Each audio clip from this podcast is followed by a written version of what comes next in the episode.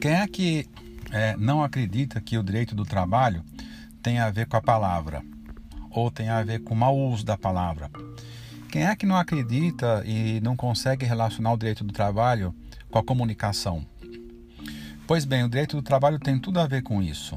E os problemas trabalhistas das empresas e dos trabalhadores, que no final das contas significam problemas jurídicos, tem tudo a ver com a comunicação, tem tudo a ver com a palavra a palavra bem empregada ou a palavra mal empregada.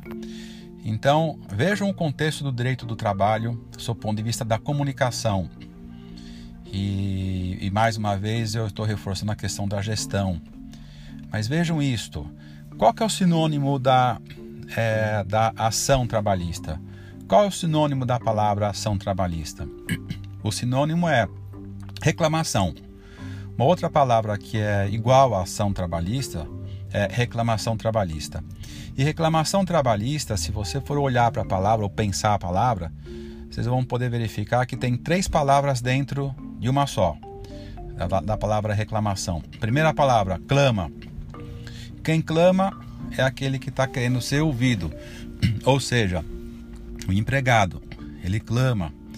Ele clama, por quê? Porque de, porque de uma certa maneira ele está querendo ser ouvido em alguma coisa que ele queira falar.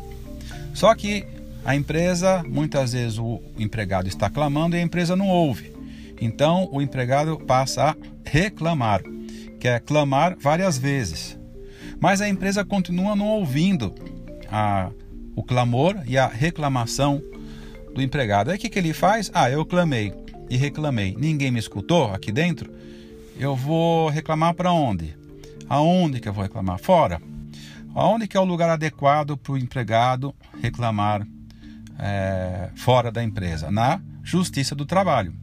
Como? Através do quê? Através de uma ação. Daí que surge, nasce a palavra reclamação. É ação de reclamar. Ninguém me ouviu dentro da empresa, eu vou reclamar fora, na frente do juiz do trabalho. E o que, que o juiz do trabalho faz quando ele recebe uma reclamação? Ele marca uma audiência e a palavra audiência vem do latim audire, que significa ouvir. Então o juiz vai marcar uma audiência para ouvir uma reclamação do empregado. Como o empregado é a parte economicamente mais fraca na relação capital-trabalho, o juiz sempre vai ouvir a reclamação do empregado, dando mais credibilidade para ele a princípio. Por quê? Porque ele é a parte oprimida na relação capital-trabalho. Então, aí está o princípio protetor do direito do trabalho dentro de uma ação, dentro de uma reclamação trabalhista.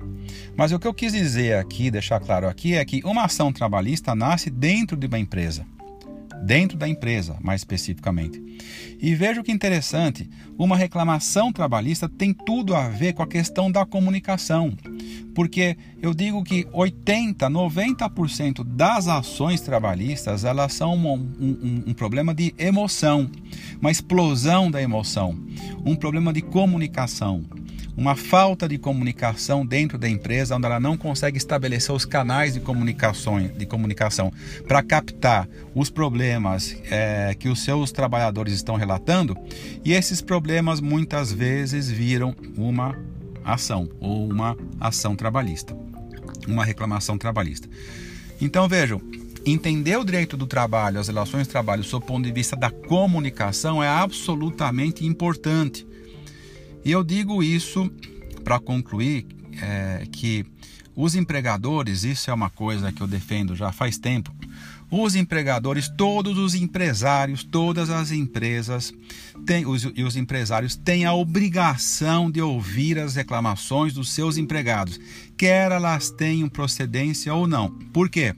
Porque se ele não ouvir a reclamação dentro da empresa dele, o empregado vai reclamar fora.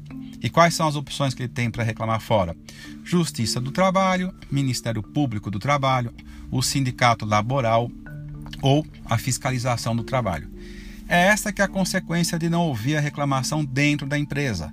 A empresa acaba dando munição e pondo fogo para que haja um incêndio e esse incêndio ele vai se manifestar de fora para dentro como o empregado bravo, nervoso, não é, não é escutado dentro da empresa, ele vai falar fora da empresa, muitas vezes através de uma reclamação trabalhista. Vejam como é que a questão das relações de trabalho ela está profundamente relacionada também com a comunicação. Você é empresário, quer ter segurança jurídica na questão trabalhista, começa a olhar para a sua comunicação, para a forma com que você se comunica com os seus empregados. A boa comunicação evita muitos problemas, evita que o empresário gaste muito dinheiro desnecessariamente. E outra coisa, investir em comunicação sai mais barato do que as empresas imaginam.